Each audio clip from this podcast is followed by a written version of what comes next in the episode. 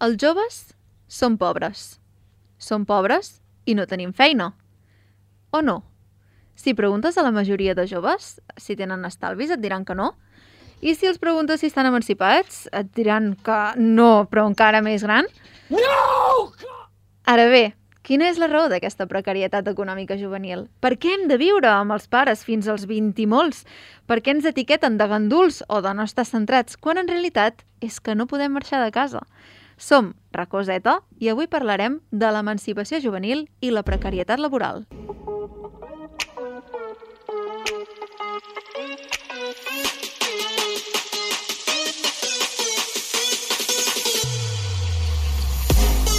Comencem a topíssim aquest nou programa de aquí a Ràdio Manlleu, al 107 FM, en el qual parlarem, sense pèls a la llengua, de temes que preocupen els adolescents i joves actuals.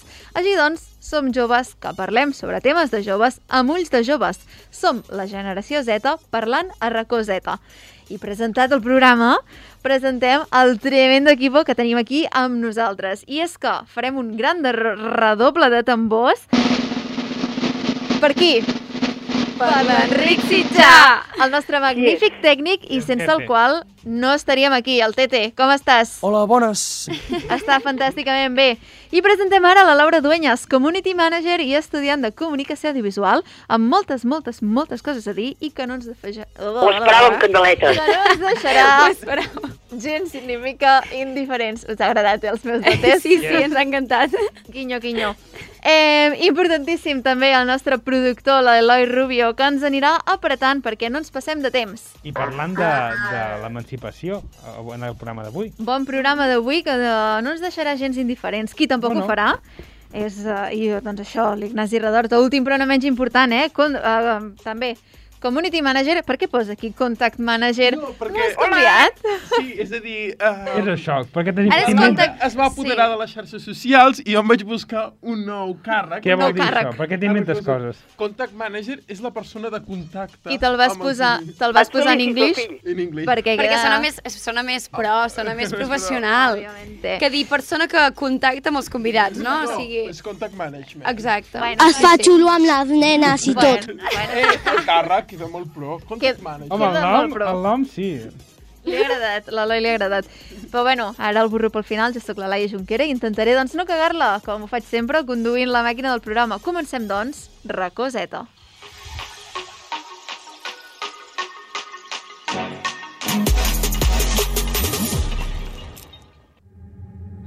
amb Z de racó Z.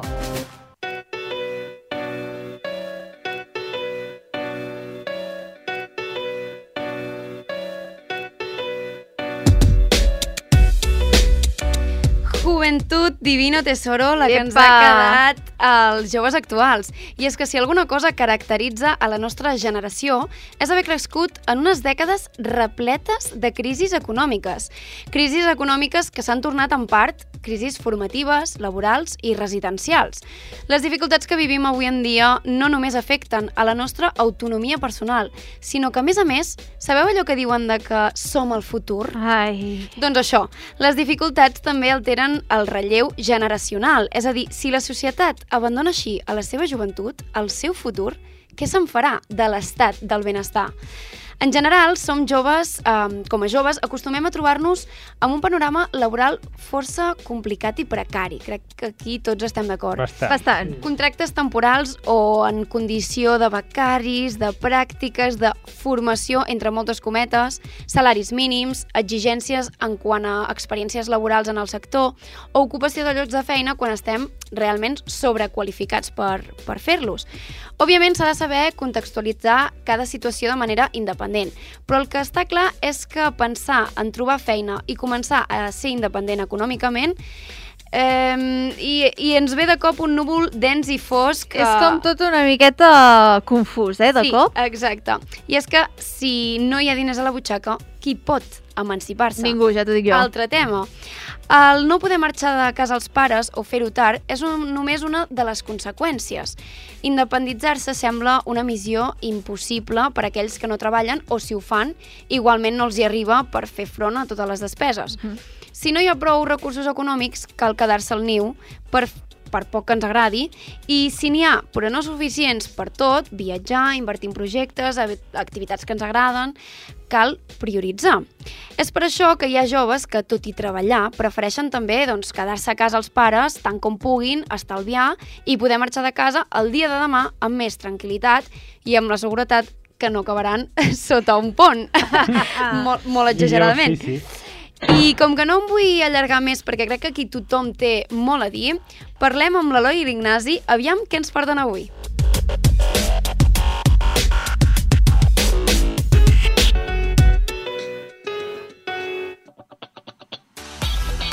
Experts, convidats, curiositats i molt més cada setmana a Racó Zeta.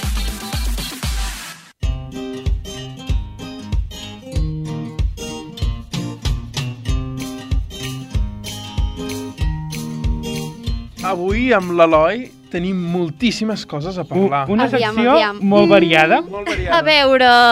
Què porteu? Parlem de tot, jo crec. Sí, començo per les secció. dades, les notícies. Només un de cada quatre joves treballa en la seva feina desitjada o té una feina econòmicament uh, digna. Amb cara i ulls, Amb no? cara i ulls. Amb cara i ulls. Bueno, un, mira, de quatre, un, un de cada quatre són pocs, això eh? ja, això ja diu molt, eh? És això un ja diu molt 25%. de com estem. Mhm. 25% de, de joves que tenen una, una feina amb un sou que ens podríem independitzar, com comentava la Laura.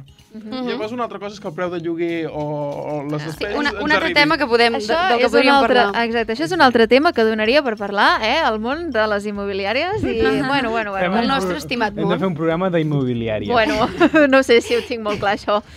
Llavors la Laura, també, eh, seguint el que ha dit, ha parlat de que, clar, la cosa és tenir feina o no. El tre hi ha un 34% d'atur juvenil sense comptabilitzar aquells estudiants que mai han treballat i simplement estan estudiant. No sé si em seguiu. El Sí, típic sí, que sí. està estudiant la carrera de periodisme, els pares m'ho paguen i jo vaig estudiant, els pares m'han dit que de moment no em busqui res, doncs aquests no entren dins Mhm. O d'aquest sigui, que 34%. dins de la gent que està, no?, dels joves que estan buscant feina, Sí, un 34% estan a l'atur. A l'atur. uh -huh. Però no significa que tots els joves estiguin inscrits, com, Clar, ens, exacte. com ens comentarà l'experta del programa Garantia Juvenil i tot això. Exacte, bàsicament eh, aquí també volem donar un missatge de que sí, evidentment, la situació està molt fotuda i és el que volem visibilitzar, però espavil, eh? També ens hem d'espavilar a buscar Exacte, coses, de a moure. moure'ns, a fer cosetes, que sé que fa mandra, però, oye, eh, si un, un futur no es construeix sol, s'ha de Mhm. començar, i hosti, som joves. És la que, frase. Eh, és fantàstic fer coses, I, i és el moment de fer moltes, moltes, moltes, moltes coses. I hem de fer moltes, moltes, moltes coses perquè ens demanen molta, molta, molta experiència. També això és veritat, eh? això és veritat, aquesta experiència que ningú té. Vi- 25 anys d'experiència en una feina. I tu en tens 23, i tu, espera't que conto. Quants anys, anys has de tenir per tenir 25 anys Tu d'experiència? estaves allà, al... eres un òvul, i ja estaves treballant. Seguim. Oh, que no és broma, eh? que hi ha feines que et demanen Sí, 20 sí, sí. anys d'experiència. Llavors, una dada rellevant que vaig veure per les notícies i em va sobtar molt, i és que un cop hem aconseguit aquesta feina, que tenim aquest salari i decidim independitzar-nos o emancipar-nos i fer la famosa hipoteca, segons el Consell de Treball Econòmic i Social de Catalunya, us vull explicar que el sou necessari per comprar un habitatge a la mitjana catalana és del sou íntegre de 8 anys i mig per poder comprar un pis. O sigui, 8 anys i mig del teu sou es destinaran a comprar aquell pis. Així no. Així no. Així, així és impossible. Així no, no em compraré mai ni una casa, ni un pis, ni un cotxe, ni... ni... Però aquí també està el tema de comprar, comprar propietats o no, eh? També és un altre tema bastant que podríem debatre durant Sí. molta, molta estona. Hem, hem de fer el programa de sector De immobiliari. sector immobiliari, eh? Ho estem veient clar, no? I llavors seria, en cas de a la ciutat de Barcelona, sabeu que els preus són caríssims, són Bueno, està tot caríssims. Per disparadíssim. pisos, Són 12 anys del teu sou íntegre, només del teu sou Ah, però pagant... a- amb aquest sou pots comprar un pis d'una habitació i un lavabo compartit, jo bueno, crec. clar, aquí hauríem d'investigar el sou mig que deuen ser aquests famosos 1.200 o 1.300. Que ningú cobra. Que ningú cobra, ara ja. Però bueno, sí, clar, això no entén d'edats, aquest sou uh, fantàstic que ens ha de permetre viure correctament, amb moltes cometes, eh, que no veus ni... Bueno, I, I llavors m'agradaria fer un, un incís continuant amb això dels joves, que és la, la generació més esperançadora de l'estat més apostant. Llavors et diuen que, clar, que no hi ha natalitat. Dius, però aviam, com Sí. sí. pot haver-hi no natalitat? tinc ni per mantenir-me a mi, tindré per Exacte. mantenir un que diu. Exacte. és allò que et venen que, clar, el país, la piràmide... Memòria Sí, figurant. de població. La població es queda al revés, dius, bueno, aviam... que- Clar, aviam, a veure. Ens ajudareu, Estat, d'alguna manera? Ens donareu alguna ajuda? Ens donareu feina? Perquè nosaltres No. ja volem treballar, no us venim a demanar. També estaria bé, tenir fills, però també clar. estaria bé que s'avancés l'edat de jubilació perquè nosaltres puguem entrar a treballar i... No, Laia, aquí és que anem com els crancs, saps? Aquí en comptes d'avançar-la, Que anem al revés. endarrereixen, exacte. Sí, bueno, mira. Encara ens agrada més complicar-ho. Sí, sí. Ostres, i quants clar. casos hi ha de gent, això, eh? Que es troba amb, amb 60 llargs, amb 60... Bueno, llargs tampoc, però Bueno, 63, però- 64, que sí. dius, home, jo ja estic pel retiro, vull, jo vull ja que em deixeu tranquil·let al Cony, sofà. o no pel retiro, no. o no pel retiro. He estat treballant tota la meva vida, vull descansar, vull viure, tio. Exacte, sí, no, això. I amb 60 anys t'has de veure perdoneu, agafant la prejubilació que dius, aviam, tu t'has guanyat una superjubilació, no una prejubilació, que és aquesta merda, veus perdó. a les persones de 64 o 65 apurades que van a treballar, que no s'aclaren perquè la tecnologia ha arribat, l'internet ha arribat, no s'aclaren, i allò, un jove que ho portaria superbé, el pobre allà perquè li falta un any i mig per cobrar la jubilació. Exacte, sí, sí, sí. Jo no Sí. sé com anem. Eh? Ridícul. Bueno, sí que és cert que el sector laboral sí que és un altre tema que necessita moltes millores. Com... Un altre programa. Un altre programa sencer, la Vam parlar de veritat. currículums, I tant, Ignasi? i tant, Eloi. Ui, m'agrada. Perquè aquí tenim dos visions. L'Ignasi és més de currículum tradicional, No, jo currículum amb infografies. Jo trobo que ha de Ah. ser maco. el Canvas. Sí. Clar, és que aquí també hem de tenir en compte una cosa. Quan ens movem i hem de començar a buscar les coses, eh, a part de que cada petita experiència laboral compta i és un gran plus davant d'algú que no la té, perquè som joves, tampoc podem tenir 25 anys d'experiència, òbviament, i Però demana a vegades dos, tres, cinc, que dius... Bueno, clar, aviam. aquí està, aquí està una altra cosa. També doncs, que s'ha d'anar gradualment, no? Hosti, tampoc po podem pretendre estar en un gran eh, lloc de càrrec o el que sigui acaben de sortir de la universitat, per exemple. Vull dir, passito a passito. El que passa és que sí que hi ha altres, algunes empreses que dius, home, a veure, què t'ha fumat, saps? Eh, I el que anava, uh, tu has de pensar, va, estic fent el meu currículum, uh, el senyor o la senyora que estigui uh, pujar, uh, mirant currículums a l'empresa, allà sentat al seu ordinador, eh, cansadíssima de veure uh, doncs, currículums blancs, lletra negra, no sé què, no sé quantos, ara hi surt una color amb infografies, com dius tu, Ignasi, home, això alegra molt la vista. Alguna cosa li cridaràs l'atenció. Sabeu- Sí, jo he de dir que el meu el tinc així. Jo també. I color verde, esperança, perquè a mi m'agrada el verd i bones vibres. Però sabeu que ara no es porten els currículums Què es físics? porten? El videocurrículum. El videobook. Mira, Ara- jo t'ho compraria, no, no n'he vist mai cap, no ho havia sentit a parlar, ara que ho dius, té lògica, però que, em penso que t'ho compro. I, I què és el videocurrículum? Surts allà i tu dius, mira, he treballat aquí, aquí, aquí. Hola, em dic Laia. O sigui, Tinc 21 anys. Exacte, has He d'explicar una aquí, mica... no sé què. Has d'explicar una mica això, que, que has fet, sense entrar gaire en detalls, ja ho miraran al currículum físic, però és, és la idea de crear la teva marca personal i de destacar entre els altres. Amb un Que estava en un concert, se li va caure un foco a la pell i llavors la sobredosis Home. del medicament li va afectar el cor. Si expliques això, poder destaques. Va, jo crec que això... No, però també és, és interessant perquè si ets enginyer i vols una feina d'enginyer, potser no et fa falta un, un currículum, però si vols fer alguna cosa més relacionada amb, no sé, amb el sector mm, de cara al públic o, Sí, o, o de sí. relacions o de comunicació, O està molt bé. exacte. En el sector de comunicació i en el sector audiovisual, evidentment, el que es porta no és un currículum «Oye, me llamo Pepe y he trabajado aquí». No, el que es porta... o sigui, el que es porta és fer el videobook, si ets actor, actriu, intèrpret, um, i el fotobook o el, el book en general de si estàs uh, dintre de les arts visuals, per exemple. Ara vinculat amb el tall de l'Enric, sí que m'agradaria dir-vos que un cop s'han fixat amb nosaltres, ja sigui amb el videocurrículum o amb aquest currículum amb infografies, es mira les xarxes socials. Exacte. La, les Peligro, no sé és què. que- peligro. Hem d'estar atents què pengem a les xarxes socials, si ho tenim públicament o no. Si ja està privat ja és més difícil. És que això ja ho vam parlar en el programa de xarxes socials, és una arma de, de doble fulla. Vull dir, per una banda ens pot, eh, podem mostrar, hosti, mira quin potencial que tinc, i l'altra, ojo, cuidado amb aquella foto a carpes borratxo a les 4 de la tarda. Bueno, i Ai, ja, a la no, tarda, i, ja, ja no és només això, no? Perquè jo No, clar, potser evidentment.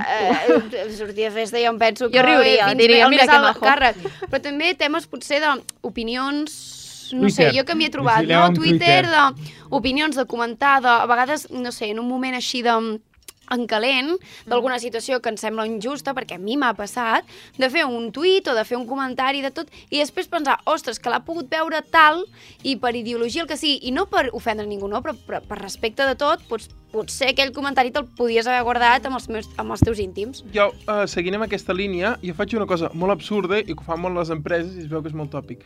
Quan tu tens una persona que t'interessa, posa el seu nom a Google i a veure què Eh, et que surt. surt.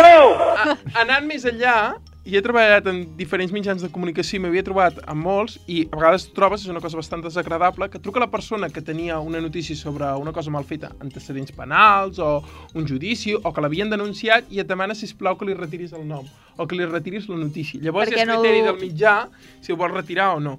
Però sí que és cert que, clar, quan busquen el teu nom sempre surt si has aparegut amb una Sí. notícia, amb alguna cosa, i clar, denuncien a fulanita de tal que tu l'estàs buscant per no sé què, saps? O... Mm, clar, aquesta... És complicat, eh? És un altre tema complicat, En canvi, aquest. si tu poses el nom de la persona això entrevistada i veus que ha fet un treball de no sé què, ha fet una... és com més agradable, no? Potser. També hi ha molta, una altra com dinàmica ara que es torna una miqueta al... Bueno, doncs és contradictori, però que es torna una miqueta al, al passat, que és uh, moltes empreses aposten per no fer aquestes coses i conèixer la persona i conèixer-la Exacte, des de allò de no zero. posar la foto en el currículum. Ah, exacte. Hi ha molta gent que Exacte. inclús per pròpia voluntat, no?, de dir, no, no, jo és que no posaré ni la meva edat, ni posaré la meva fotografia, ni posaré... No, vull que em jutgin realment per la meva experiència i el que explico Per aquí. al que valc, no per al Exacte. que sóc. I, i, I quan ja tenim el currículum fet, després de totes aquestes dades, que Preparada. em van recomanar que poséssim una foto somrient sempre al Així, currículum. feliços, eh? Sobretot no, no posem una foto Soc sèria. pobra, però estic contenta. Va, arriba el moment que l'empresa ens, ens truca i ens convida que anem a una entrevista de treball. Uh, sempre, a mi m'havien explicat que et fan esperar una mica, o es fixen amb l'hora que has arribat. És tot anàlisi, tot puro anàlisi. Sí, això és veritat. Jo també ho, ho faig... No, jo es- arribo tard a tot arreu, però les entrevistes de feina arribo 10 minuts No, abans. no, perquè s'ho miren. Sí, sí, home, òbviament. I llavors, un cop bueno, ja t'han vist visualment, Exacte. et fan passar i et demanen... Quan et veuen jove et diuen has treballat abans? Opa! Va. I clar, tu li has de ser sincer, li has de dir, bueno, clar, aviam, soc jove, potser sí, o tinc això, però bueno, tinc moltes ganes. He Sempre... treballat per amor a l'arte sense cobrar. I llavors també et diuen, la mítica pregunta és, per què vols treballar amb nosaltres? Aquesta també és una pregunta que a vegades també Bueno, sap molt. Aquesta... Jo la, la, la, la puc entendre, en plan, perquè és una, és una pregunta que et pillen, eh? I aquí la, has de saber esquivar. I també depèn de teu, del teu enginy, no? I de veure si ets una persona espavilada o no. Diràs, clar, una persona sincera et dirà, pues per ganar-me la vida, tu què, tu què creus, saps? Però tu ja vas a buscar, aviam, el seu... Clar. Evidentment. deia, perquè soy pobre. També entenc que totes aquestes preguntes són generalitzant. Vull dir, evidentment, cada empresa té la seva manera de fer el, les entrevistes. Però també per anar-te a pillar així com hem dit l'anterior, digue'ns un defecte teu. Ah, Aviam tres, tres, tres defectes. Ah, Tres tres defectes. defectes. A mi a les últimes sí que és veritat que m'han demanat només un, però que tot així jo penso, bueno, aviam, jo, te, jo te'l dic, no? Després també... eh, jo, això, chica, no tengo ninguno. Això, Bueno, això és molt important. de todo ya. No, no, i això és molt important i ho vull dir aquí públicament, perquè és una cosa que personalment no puc, i jo crec que està bé que ho digui. Bueno, és igual, no m'enrotllo més.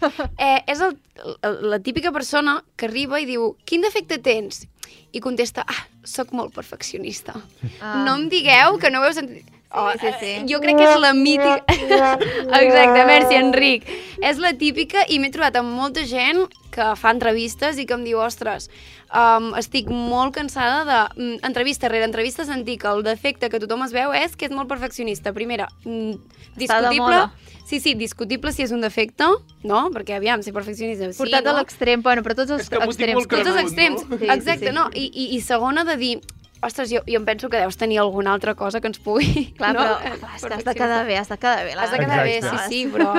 I Siguem més humils, no? Potser? Jo crec que és molt, és una clau molt gran és ser transparent, eh, tampoc sense passar-se, òbviament, no li explicaràs aquí la teva vida. Però, Però- això, clar, ens porta a preguntes il·legals que no et poden I la, fer. il·legals de, de que són Que ara, il·legals, il·legals, ara eh? us les diré. Vale, A veure si... En tinc cinc, a veure si us han dit mai... a veure si alguna. l'han feta.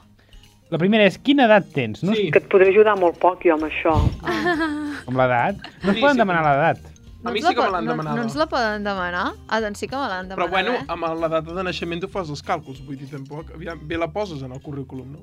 Bueno, Depèn, no, no, pots jo no la no? tinc, eh, per exemple. Ah, no jo no la tinc Jo posada. pensava que era com No, obligatori. no, no. Però sí que m'ho han preguntat, en plan, hosti, tu quina edat tens? Sí, sí que és veritat que me l'han preguntat, eh, Perquè aquesta. no és rellevant per al lloc de treball. que clar, és veritat. Uh, després, Qui ets? quina situació civil està, uh, est, et trobes o familiar? Si estàs casat, solter... Això en els contractes a vegades et fan firmar alguna clàusula, però és per veure si... Uh, bueno, l'estat civil no, però si tens a càrrec fills o alguna així, mm. això sí que, que t'ho fan... Que, Que Però tu- sí, però sí que és veritat que jo crec que a la majoria d'entrevistes, bueno, la majoria, clar, jo ara parlo des de la meva experiència, però si més no, potser no et pregunten quina és la teva situació civil o familiar, però et diuen, bueno, i ara on vius, què estàs fent, no? Que d'alguna manera indirectament t'estan preguntant això. Uh, vius sola, vius amb Però els no t'ho pares? pregunten directament, perquè exacte, però sí t'ho pregunten, ho volen Ah, saber. no sabia que era il·legal, això. I, Sí. i, I també ve relacionat amb un altre de, en cas de les noies, si, si estàs embarassada Bueno, o, o això- vols tenir fills. Això em sembla Sí, que, que voy a matar, eh? A mi em pregunten això, a mi em pregunten això i m'aixeco i me'n vaig. Uh, per sort no m'ho han preguntat mai, però és que de veritat que em pregunten això i dic, tu què t'importa? Si I, tenir... i, I si sapiguéssim a totes les dones que... O sigui, totes Que les no dones han- que s'han trobat en aquesta situació, perquè jo crec que ens, en són moltes més de les que ens imaginem. Clar, eh? aquí he de, he de puntualitzar que hi ha, uh, bueno, que les dones en edat doncs, fe- fèrtil de tenir els primers fills, doncs que dels 25, bueno, abans, fins als 35-40, eh, és molt més difícil que ens contractin uh, perquè... Per ser dona, per simplement. ser dona, perquè en, en qualsevol moment... S'es- S'està trencant una mica. Sí, que és però perquè ara hi ha una... estan intentant posar una llei, no, No, si no jo- tinc jo- Però la pregunta te la fan igualment, eh? Vols tenir fills? Vaig anar a una classe així de formació que t'explicaven d'inserció laboral i et deien dos exemples, un noi de 27 anys i una noia de 27 anys. Tots dos igual, vale? I diu, per un lloc de treball un simple administratiu. I la formadora sempre deia, què creieu que agafaran, el noi o la noia? El noi.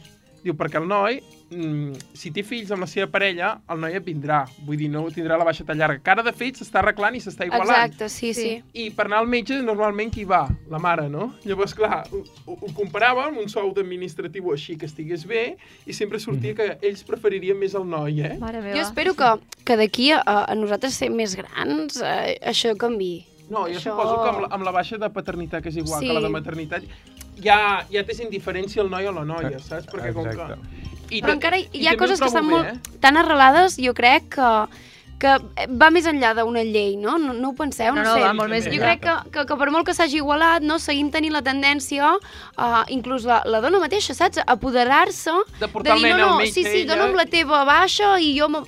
Vull dir que encara el canvi... Costarà, tenim costarà. camí, tenim camí. I una Bueno, altra pregunta tot. sexista és, estaríeu còmodes treballant només amb homes? Ai.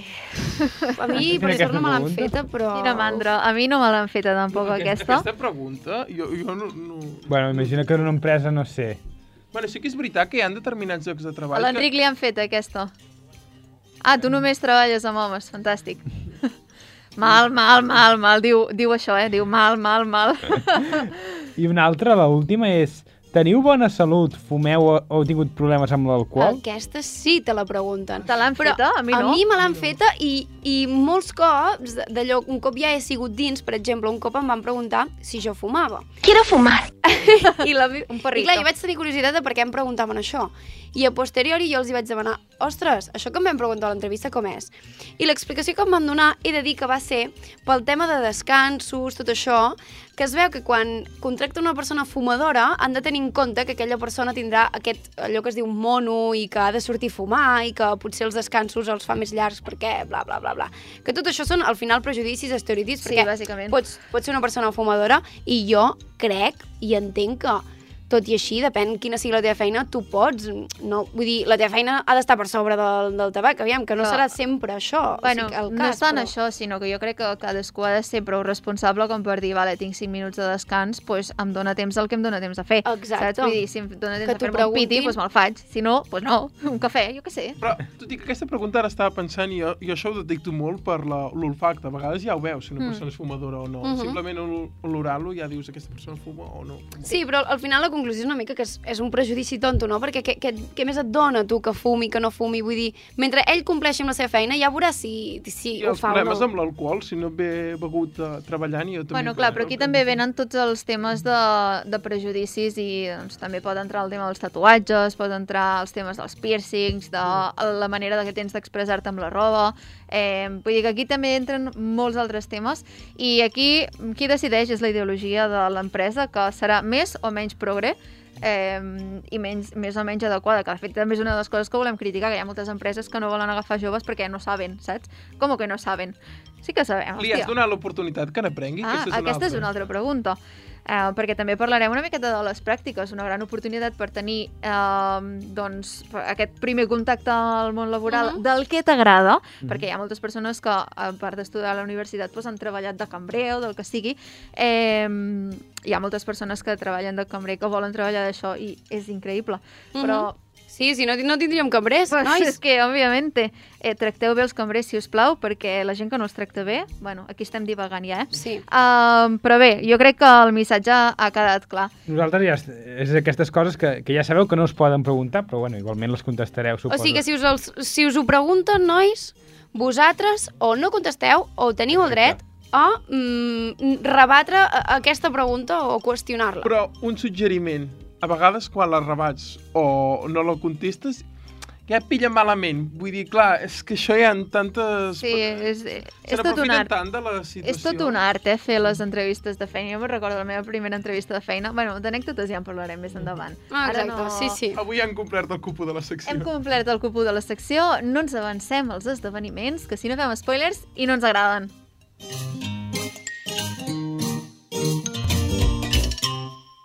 Jo també escolto Racoseta.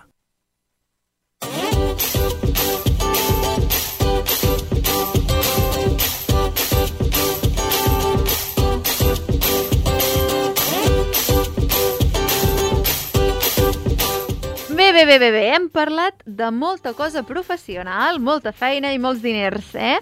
Ara bé, anem a parlar de, del testimoni real de tot això, no?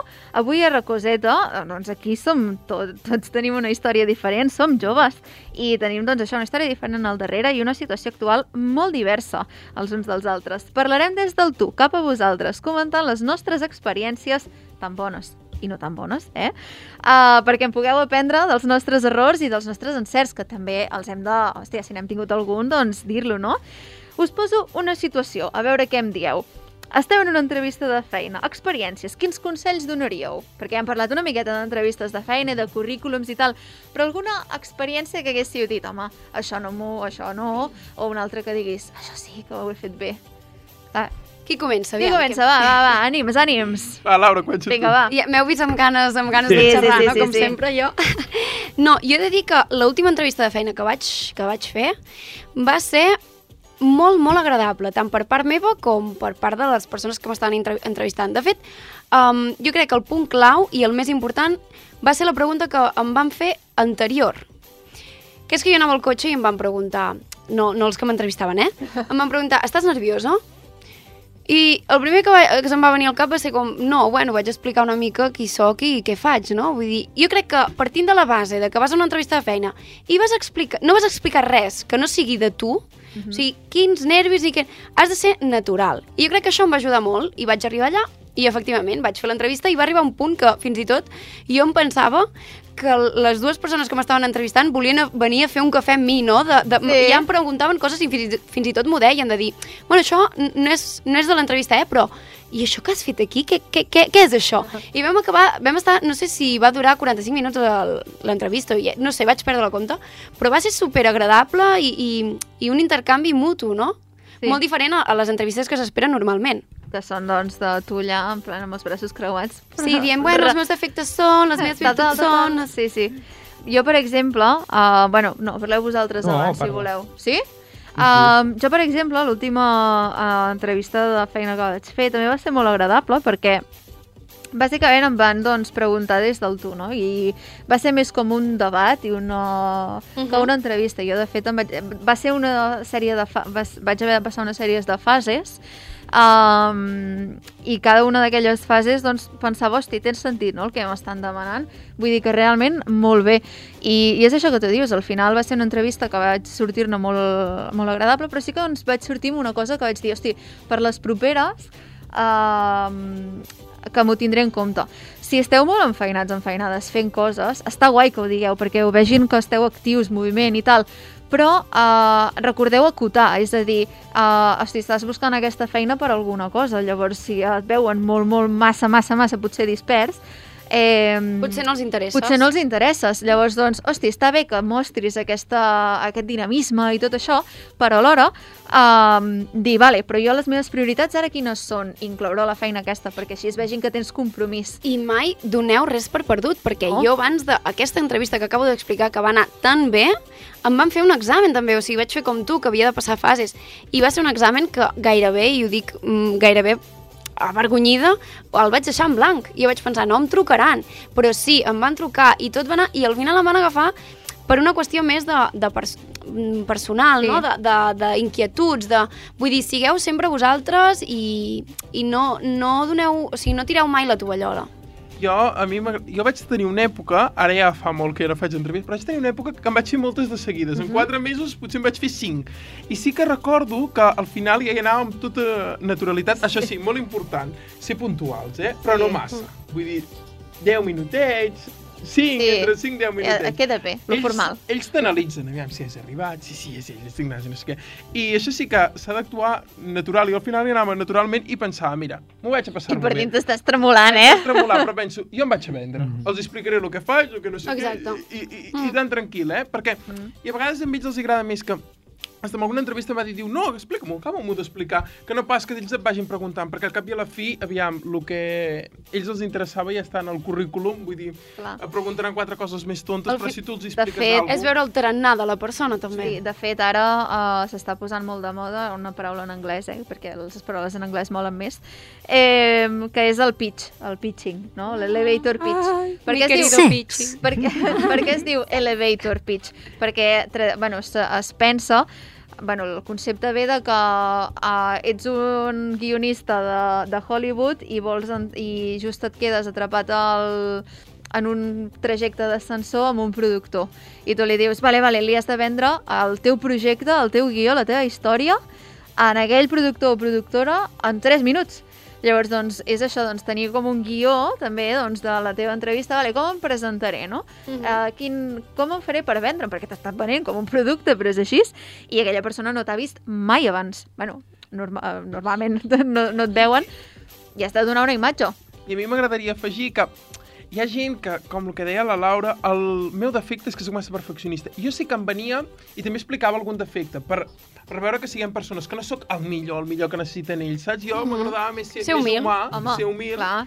I no tant ser perfeccionista, perquè diran que no hi que estar tan, estan tan, Ja, tan ja, ja. perfecte que ve fer aquí, saps? I clar, també et trobes en entrevistes que penses, mare de Déu, aquest home està molt fart de fer entrevistes, perquè jo me'n recordo... Jo també m'hi havia trobat, eh, que ja bufa només, bueno, aviam, Sí, a veure- Ets, ets l'Ignasi, vale, hola Ignasi, no sé Sí, què, saps? total. Dius, bueno. És que arribo i em diu, seu aquí, si us plau. I se senta amb l'ordinador, us prometo que no va aixecar el cap de la mirada de la pantalla en tota l'entrevista. I l'entrevista va ser, bueno, nosaltres som tal empresa, som tal tal, nosaltres, nosaltres, nosaltres, què t'oferim, tal, tal, tal, tal, però nosaltres, nosaltres, nosaltres. I jo en plan, vale, i quan parlo? és que Ja, t'ho prometo és- que aquesta això va ser és- la, la meva pregunta, en plan, uh, em fa por intervenir, perquè no sé quan parlar, no sé, i de cop em diu, explica'm qui ets. I jo, ah, ara em toca, Ara, ara, ara, és el ara, meu moment, ara, ara. ara. I clar, vaig dir, però em va tallar a, a dos minuts de, de conversa. Minut de glòria, per Ah. Minut de glòria, i ja està. I poc se'n parla de les entrevistes telefòniques, que això Ah, sí, també, sí. vull dir, horror.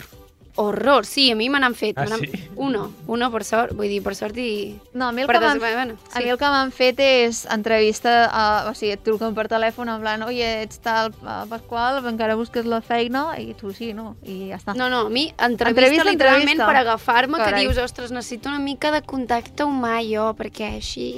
És allò que així arribes a l'empresa i, bueno, he parlat amb una per telèfon. Sí, no sé i diu, eh, tu qui ets? I... mm, I ara us canviaré un moment de tema. Bueno, canviar, però tampoc tant. Esteu emancipats, si ho voleu dir, clar, esclar, però és que ja hem parlat una miqueta de que eh, si no tens pèmpins, potser l'emancipació... Mm, cuidao, que no és Doncs No, possible. no, no. Jo, jo he de ser sincer, no estic emancipat, però estic bé com estic a casa els pares. És a dir, Quina sort. ara mateix jo estic bé, jo sí, jo estic bé. Clar, és que a veure, també s'ha de veure la realitat de molts joves, que és que, hòstia, eh, estem a, o esteu a casa i esteu superbé i no passa res. O sigui, clar, no tots els joves volen marxar. És que hi ha tantes, Hi ha personali- hi ha tantes personalitats com persones i hi ha etapes, molt important, Laura.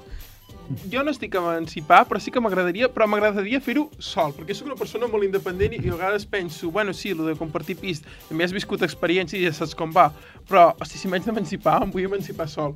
L'altra cosa és que no arriben els pempis. Clar, és que, eh? clar, és, que és, és un clàssic el fet de ser jove i donar per fet que estàs compartint pis. Però per què ho donem per fet? Ho donem per fet perquè els lloguers estan disparats. Tu no cobres uh, tant com per pagar-te aquell lloguer i, clar, la solució és compartir pis. Sembla que, que la vida està muntada no per estar en parella.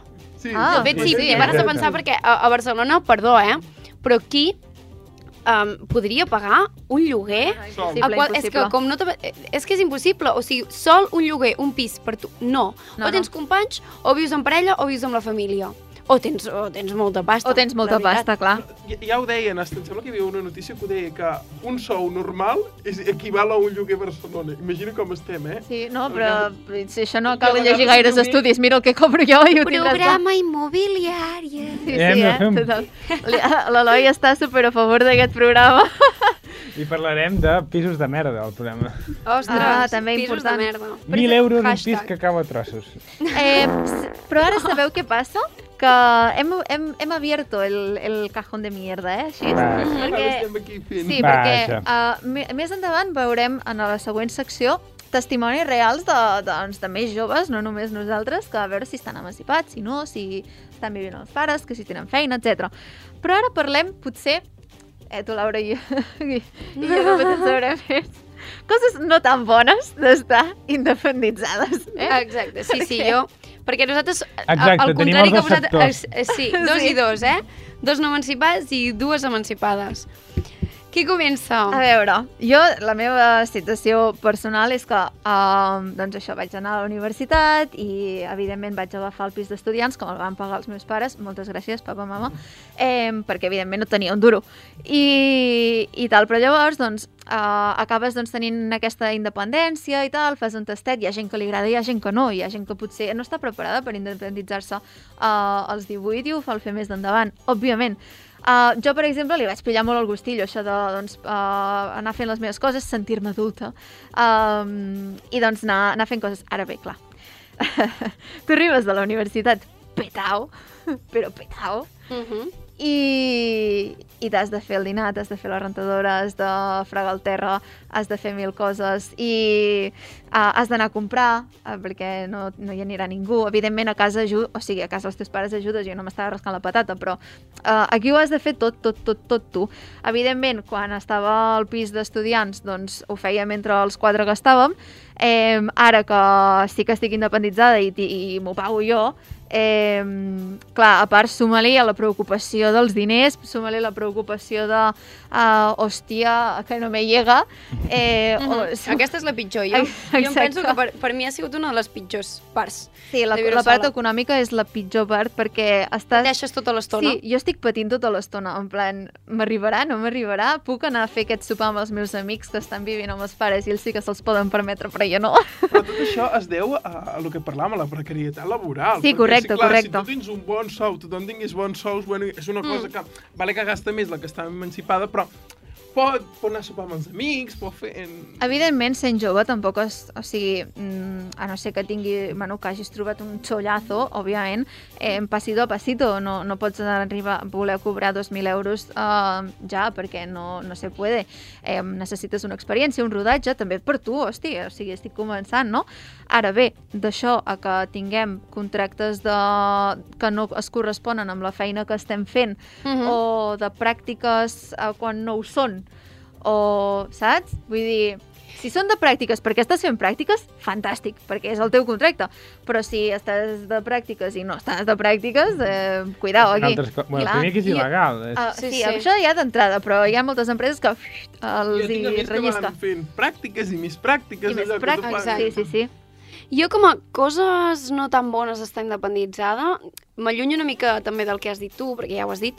Um, jo el que m'he trobat és que jo, a casa meu, érem molt maniàtics amb la neteja, i llavors jo, clar, em vaig fer també molt maniàtica. Clar, i arribes a un pis d'estudiants, primer has de compartir, i llavors ja és el problema de jo, l'ansietat amb la neteja, amb que tot estigués impoluto, i ojo, que llavors aquí està la cosa no tan bona, que és que, ostres, això està brut. KH7. KH7 o no sé però potser no és el producte. Doncs jo amb això m'he fotut uns lius, m'he mare, no, perquè has de posar això i el zip de no sé què i per la junta del lavabo no sé quan. O n'hi ha que preguen tot amb el mateix. Aquesta, mateix, per mi, merda. sí, exacte. Per mi aquesta ha sigut realment... Perquè mira, netejar, a mi, no sé, netejar, anar a comprar, fer-me el dinar, a mi tot això ja m'està bé, m'ha estat bé, diríem, més o menys, des del primer dia. Però tot això que és, és dir, vale, no és només netejar, és com netejo, o no és només cuinar, és com cuino. Ostres, no tinc passa? un pelador, jo aquí ara... Saps què passa? Que quan marxes de casa t'adones que tot allò que havies odiat que et feien fer els teus pares, llavors dius, hosti, si en sóc un calc, en plan que jo que odiava, eh, em deixava una cosa al menjador i els meus pares, Laia, que tu deixes aquí enmig, Doncs no sé ara, què." ara jo Ara veig una cosa al menjador, Sí, sí, sí. Ara veig una cosa al menjador i dic, ja l'estàs anant a agafar i portar a l'habitació, eh? Clar, Aquí no me la deixes. I clar, llavors penso, mare de Déu, sóc una còpia dels meus pares. I, me, I me mare havia estat molt pesada sempre amb el tema de les rentadores. Que t'ensenyo a fer rentadores, que t'ensenyo a fer rentadores. Jo crec que és el, el, el, el clàssic de tothom Hòstia, que s'ha independitzat. Jo me'n recordo, uh, ja llavors, d'estar... Jo portava ja un any i mig o, o dos sent vull dir, in- independitzada. Me'n recordo un cop que vaig posar una rentadora blanca, tornava d'un viatge eh, d'estiu, era tot blanc, i vaig obrir, de cop era tot blau, i vaig pensar, no, i ara què vaig? I ja em veus a mi trucant a ma mare, mama, que m'ha passat això, què faig ara amb tota aquesta raó? I el que em va passar amb la rentadora és que, clar, jo sabia posar la rentadora de mi casa, però arribo a la rentadora del pis d'estudiants amb 18 anys i dic, esto com funciona? Perquè, clar, tenia uns botons diferents, tenia programes diferents, clar, a veure, això no t'ho ensenyen, eh? això no t'ho ensenyen. Intuïció, doncs ho vaig descobrir. Però clar, vaig veure allò i vaig dir que és esta màquina del que, se, demonio. que, sembla, que sembla molt, molt guai independitzar-te i està molt Té bé que ho puguis fer, però, també. bueno, tot s'ha de valorar, com tota la vida. Hem de fer un programa de rentadores, també. De rentadores, De, segur. de, Electro- cuinar, de cuinar, perquè jo electrodomèstic. havia fet cada, cada potaje, no sé si us havia passat.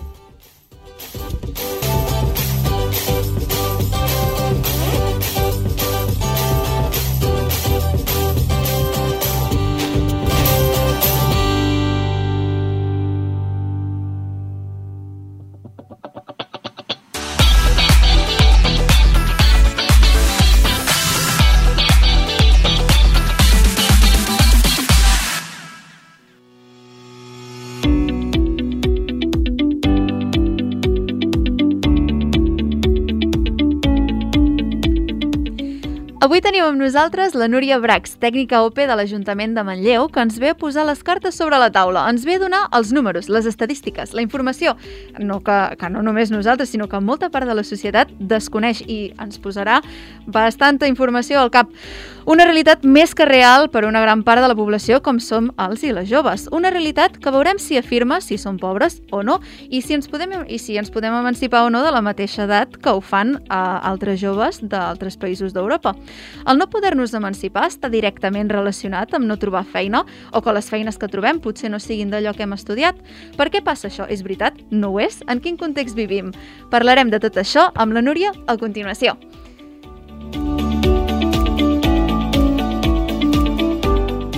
Hola, Núria, com estàs? Molt bé, bona tarda. Uh, moltes gràcies primerament per ser aquí amb nosaltres. Uh, per iniciar aquesta conversa, explica'ns una miqueta quin és el panorama actual a nivell laboral uh, en el que es troben els joves d'aquest país actualment. Què està passant?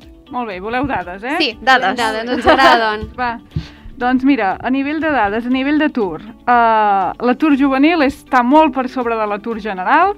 Uh, si mirem dades de l'abril, veiem que l'atur juvenil se situa al 44,6% i en canvi l'atur general doncs, està sobre el 24,3%. Valen? Per tant, sí, amb això Sí, teniu sí. raó, noies.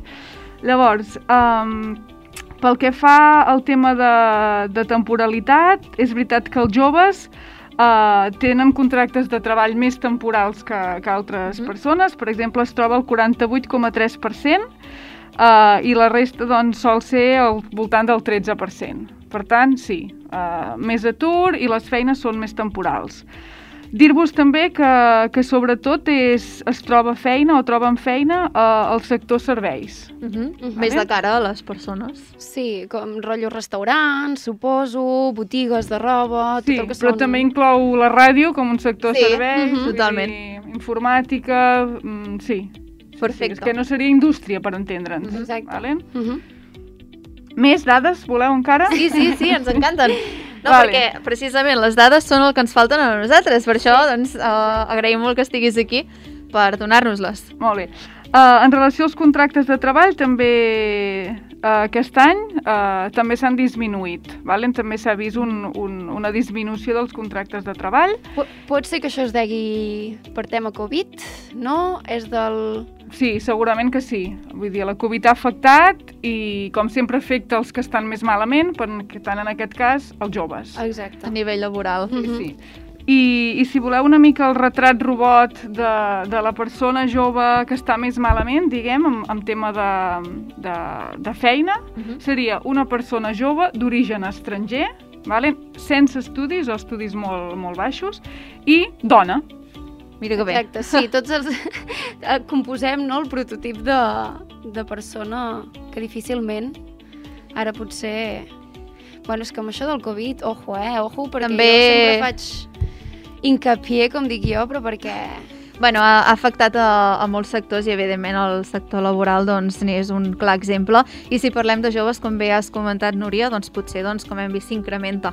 Uh, què no permet als joves, generalment, uh, independitzar-se? Això que es diu uh, doncs, al carrer, no? Els joves són pobres. Bueno, bueno, a veure, anem a mirar. És veritat això? No és veritat? Què, què passa? Clar, els joves són pobres. Depèn, depèn de la família Ah, de què depèn provenen, vinguis. segurament. Ah, No? Si depèn dels diners. Important, eh? Si la Important. teva família és pobra, segurament inicialment, com que tu dependràs d'aquesta família, evidentment seràs pobre. Uh -huh. Si partim que la teva família té un nivell adquisitiu alt, és a dir, és més aviat classe mm, mitjana-alta, tu partiràs, doncs, que d'entrada ja ets un jove de classe mitjana-alta, per tant, no ets pobre. Mhm. Una mica com els avis, no? Mhm, Els avis exacte. que tenen una pensió alta, doncs potser no són pobres, els avis que han cotitzat poc o han cobrat poc i tenen una pensió baixa, doncs són avis pobres, són persones pobres. Per tant, veiem que aquesta generalització té més matisos, vull dir, el que es diu potser uh, al carrer no és sempre el que s'adequa a la realitat. No, i potser també s'ha de tenir en compte que um, tot i que vinguis d'una família pobra, també aviam quines oportunitats tens per, per prosperar, no? exacte. Això també té una mica a veure. Uh, quina és la pregunta més freqüent o la preocupació general, uh, amb majúscules, dels joves que venen a la teva oficina demanant doncs, feina? La preocupació és, vull feina, vull trobar feina. Uh -huh. Aquesta és el, el, la pregunta principal de joves, tant si tenen qualificació com amb estudis universitaris, eh, cicles formatius, o directament joves que amb prou feines han acabat l'ESO, la seva preocupació és vull trobar feina, vull feina. I aquesta, o sigui, això de, doncs, de poder eh, començar una, una vida, entre cometes, a nivell econòmic i doncs, uh, potser després uh, independitzar-se, que és també doncs, un dels temes que tractarem al llarg d'aquest programa. Um, quins serveis proporcioneu vosaltres? Clar, ara fins ara, diguem-ne que les dades que us he donat i el missatge és com molt negatiu, eh? Ja Sí, estem deprimides.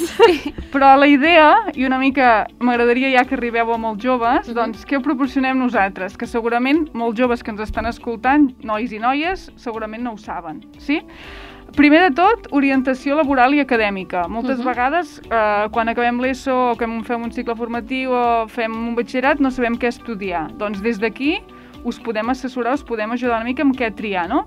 La part aquesta de, més acadèmica. De fet, en vam parlar que en un dels programes, ara no recordo en quin, que sembla que l'ú- l'única meta de, després de, de l'ESO sigui el batxillerat i la universitat i que Exacte. realment hi ha moltes altres sortides I i que es desconeixen completament per aquest doncs, gran pilar com és la universitat, bueno, que la societat ha imposat, no? Sí, Potser? sí. Doncs... Sí, antigament sí, no? Sí, sí, sí, I al, final. I al final és això que... Bueno, jo sempre ho dic, no? Que en una, en una indústria on quants enginyers hi ha i quants operadors o quants tècnics, no? I, i, i potser fan, fan més falta els propis tècnics que no pas tants enginyers, perquè no en volem pas tants. Sí, sí, és, és una mica, jo crec que els pares o, o abans sí que era, no? Fas una carrera universitària vol dir igual a feina. I ara segurament no és així, segurament no, no és així, vull dir, el que sí que és igual a no feina és no tenir res d'estudis, No tenir però res. tenir un cicle formatiu de grau mitjà o de grau superior pot ser igual o més bo que tenir una carrera universitària. I- Quants lleoners es guanyen molt bé la vida? Quants electricistes? Quantes perruqueres? Sí, Que han sí. estudiat segurament un cicle formatiu. I de fet, jo ara parlaré des de la meva situació personal, eh, de fet hagués agraït bastant com, eh, fer molts cicles i, i graus i tot abans de la universitat doncs, per poder eh, especialitzar més a, en el que volia estudiar. De fet, nosaltres que hem... I no ho vaig fer per desconeixement. Sí, sí, nosaltres que hem, hem estudiat comunicació audiovisual, Correcte. per exemple, tenim, jo en el meu cas, molta gent a la carrera que abans d'això ha fet eh, tècnic de càmeres o, o, o grau en producció grau en Exacte. producció i van Exacte. molt més avançats que, Clar. que nosaltres i es nota d'una hora lluny i estan molt, molt més formats i a part han treballat en, a la indústria. vull Exacte, dir- sí, ja tenen una mica més d'experiència. Exacte. Um, Què més? Que sí, ja no sí, sí, sí, eh? digues, perdona, digues.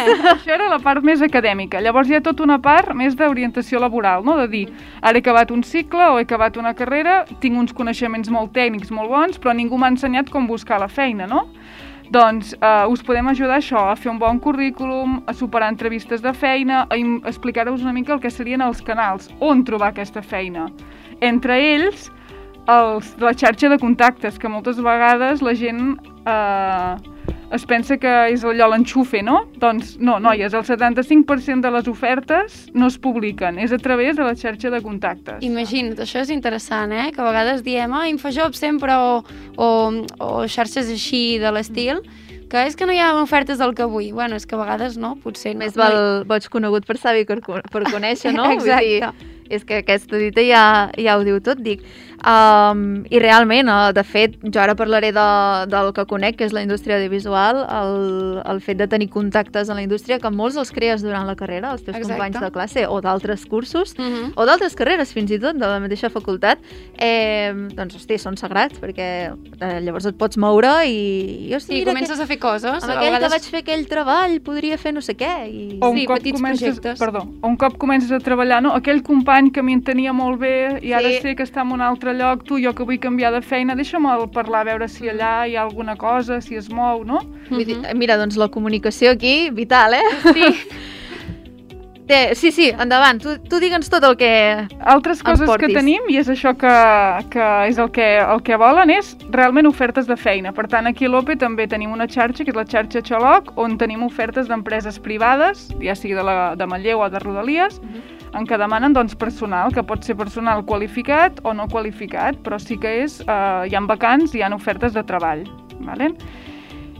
I llavors hi ha, hi ha una altra cosa que moltes vegades els joves desconeixeu, que és una cosa que es diu garantia juvenil. Sí, jo no, no en sé... No, Ah, no explica'ns, explica'ns. no em sona gens. Vale. La garantia juvenil és uh, com una mena de base de dades on hi han inscrits joves que no estan treballant ni estudiant. Vale? Mhm. Ve a ser com una borsa de treball que en aquest cas doncs, és a través de, de, de l'OTG, que no sé si sabeu què és, l'Oficina de Treball de, de la Generalitat, el SOC, el Servei Vale, Local mhm. d'Ocupació, sí? Vale. Doncs ve ser com una, una base de dades on hi ha joves inscrits que no treballen ni estudien i a partir d'aquesta base se'ls ofereixen coses, tipus contractes de treball, estades a l'estranger, eh, pràctiques, eh, formacions, eh, fins i tot a vegades si algú vol ser emprenedor, es vol freelance autònom, Sí. sí?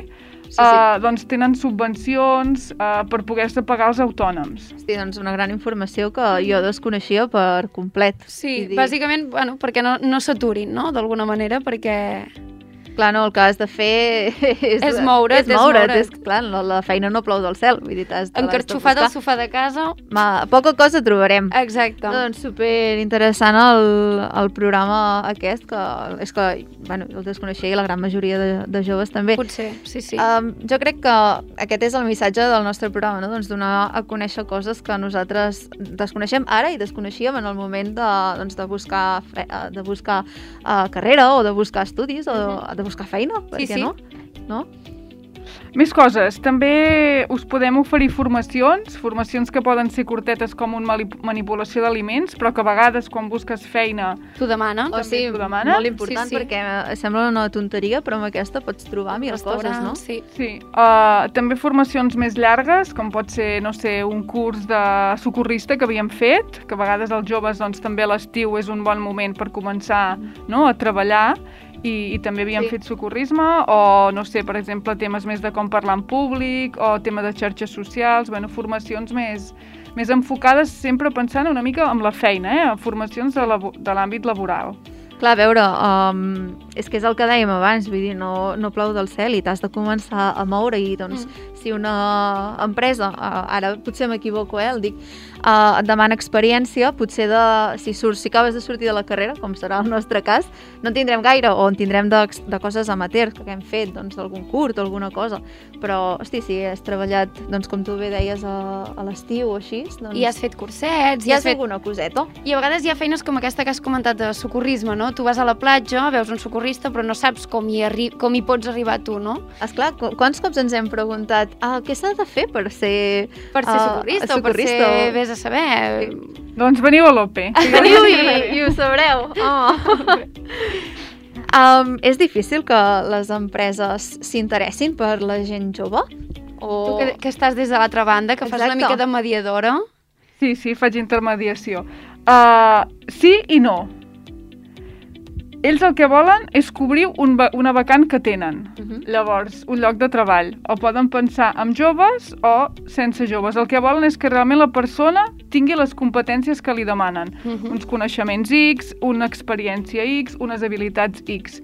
Llavors, mm, a vegades sí que hi ha empreses que et diuen no, no vull ningú jove, o sí, sí, no em portis ningú gran, eh? Vull algú jove, perquè el vull formar. I, I el tant per cent, així, bueno, aproximat, és més, més aviat et demanen o és molt... Depèn, és que és depèn. Hi ha empreses que a vegades també diuen doncs mira, ara tenim molts joves i voldríem algú que sigui més gran. Al contrari, tu, veiem que la nostra plantilla aviat es començarà a jubilar i en canvi volem ja incorporar persones noves perquè ens facin aquest relleu. No us puc dir percentatge. Maria. entenc Vale, que o sigui de- que més o menys, no? Vull dir, també... Entenc que també depèn de la ideologia de la- de l'empresa i de, Mhm. doncs, cap a on vulgui anar l'empresa.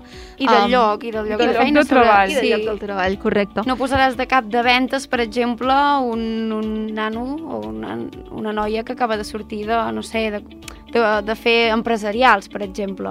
Per O exemple, de fer... Uh -huh. l'experiència es guanya. I això és... Sí, ah, sí, sí, és a dir, hi ha tota una cosa que es diuen competències transversals, que és la persona no? que té el que dèiem abans, iniciativa, responsabilitat, que es mou, no? Es deies abans, no cau del cel o no Sí, cau... sí, sí. Això és clau, no? Uh, però també a vegades demana experiència. Però el clau també és el primer, eh? Que, que la persona es vegi amb capacitat de fer-ho i que si tu, quan fas l'entrevista al contracte, es vegis que, que la persona et respondrà, independentment de l'edat. està interessada, doncs, que, que mostra uh, ganes uh, i, i que s'està movent, perquè doncs, és això, com tu bé deies, Laura, sentada al sofà, no, No. no, no cau res. Uh, una palomita potser, però poc més. Uh, ja per finalitzar, quina és la teva recomanació de cara als adolescents i joves actuals que es vulguin, doncs, que vulguin trobar feina? Evidentment, i es compro cap a casa, que vinguin a l'OPE, que els podrem assessorar, que s'apuntin a l'OTG, que moltes vegades no ho fan, i l'OTG és l'Oficina de Treball de la Generalitat, que en aquest cas està a Vic, i que també els pot inscriure això de garantia juvenil, que realment aprofitin les pràctiques i que no ho vegin com una cosa negativa, que evidentment hi ha empreses que sí, que potser es poden aprofitar, entre cometes, de les persones en pràctiques, però que alhora n'hi ha d'altres que ho viuen com una oportunitat Uh -huh. i que, que, agafa que després contracten algú que els hi ha fet pràctiques i els hi ha respost. Clar, si has Mhm. fet les pràctiques fatal, diguem-ne No, clar, que no. llavors, No, no, malament. Vale. No, però és un gran lloc on fer contactes, que ho comentàvem abans, eh, i per doncs, començar la primera inserció al món laboral, que de fet és la finalitat de moltes universitats al incloure-les en el pla d'estudis. Uh -huh.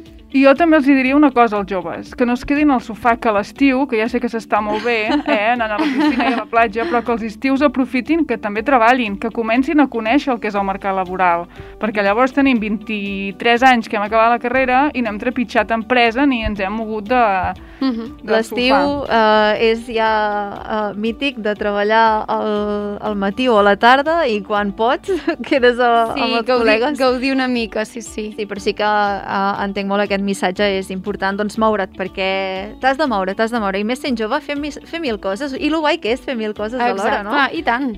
Llavors, digues, pre digues. I preguntar, Sí, sí, sí, aquesta sí. inquietud que teniu, preguntar, i això, vaig a l'Ajuntament a veure què tenen, i a un altre lloc, i conec no sé qui que potser em pot passar ofertes, feines. Moure's, moure's, és la clau. Contactes, xiques, Sí, contactes. sí, missatge captat, eh? Moure's. doncs moltes gràcies, Núria, per haver-nos vingut a portar doncs, tota aquesta informació tan eh, interessant i, i necessària per doncs, Mhm. eh, tantes coses que desconeixíem que ens has explicat. Aneu a l'OP i, i motiveu-vos, aneu a buscar coses, no espereu que us vinguin, perquè no vindran. Eh,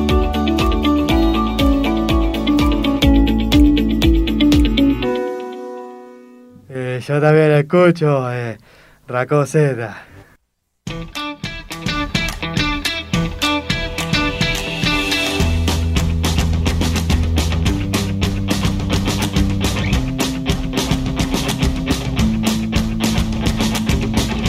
Com ja hem avançat ara fa res, fa dos segons, uh, parlarem amb més joves per conèixer la seva Bien. situació. Hem preguntat a doncs, amics nostres, a coneguts altres joves, uh, quina és la seva situació, a veure què els hi passa, perquè ho comparteixin aquí i podem doncs, uh, visibilitzar la realitat, que no és només no som només nosaltres quatre que estem aquí. Exacte, important. Anem amb el primer tall. Hola Laia, què tal?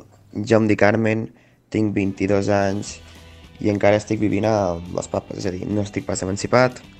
El que sí que faig és treballo actualment de caixer en un supermercat i, bueno, de queixes la veritat és que no en tinc cap.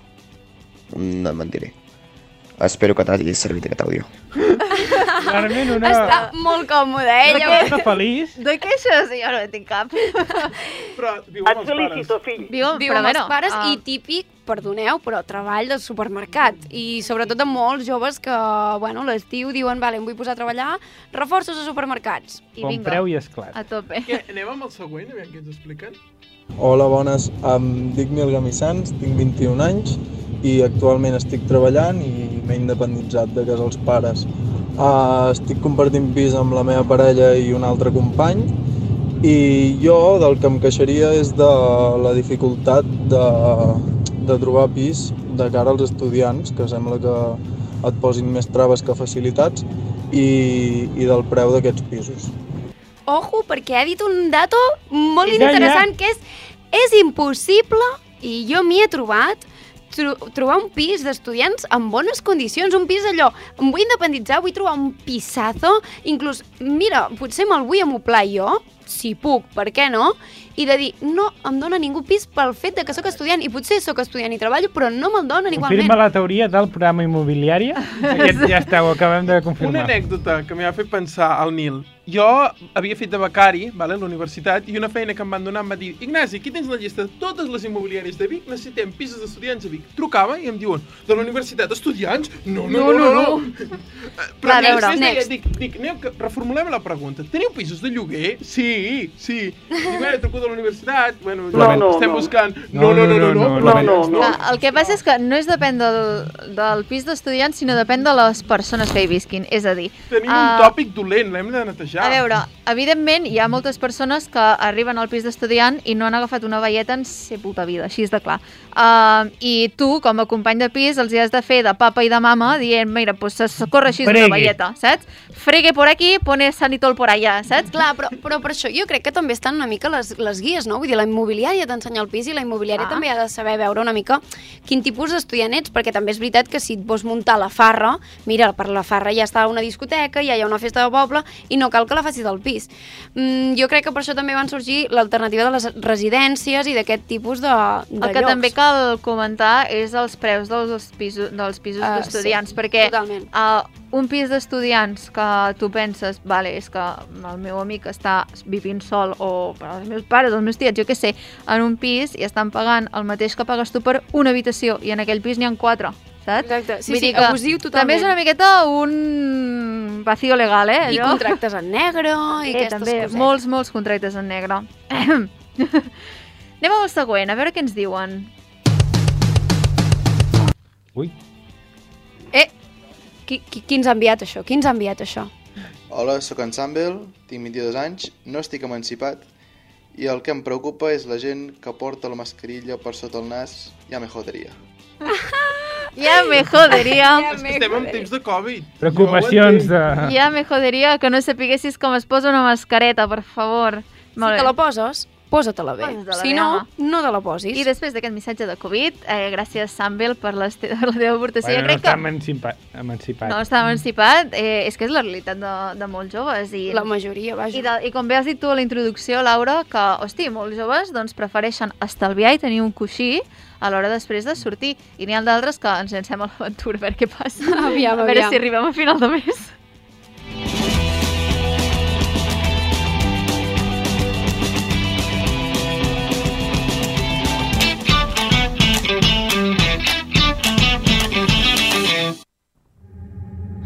Amb Zeta, de racó Zeta.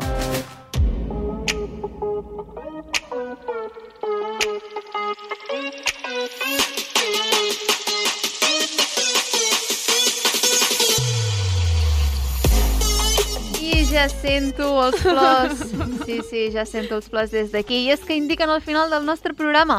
Us deixem amb una cançoneta i ens acomiadem del programa d'avui dedicat a l'emancipació juvenil i la precarietat laboral. Si ens agafeu just ara, no patiu pas.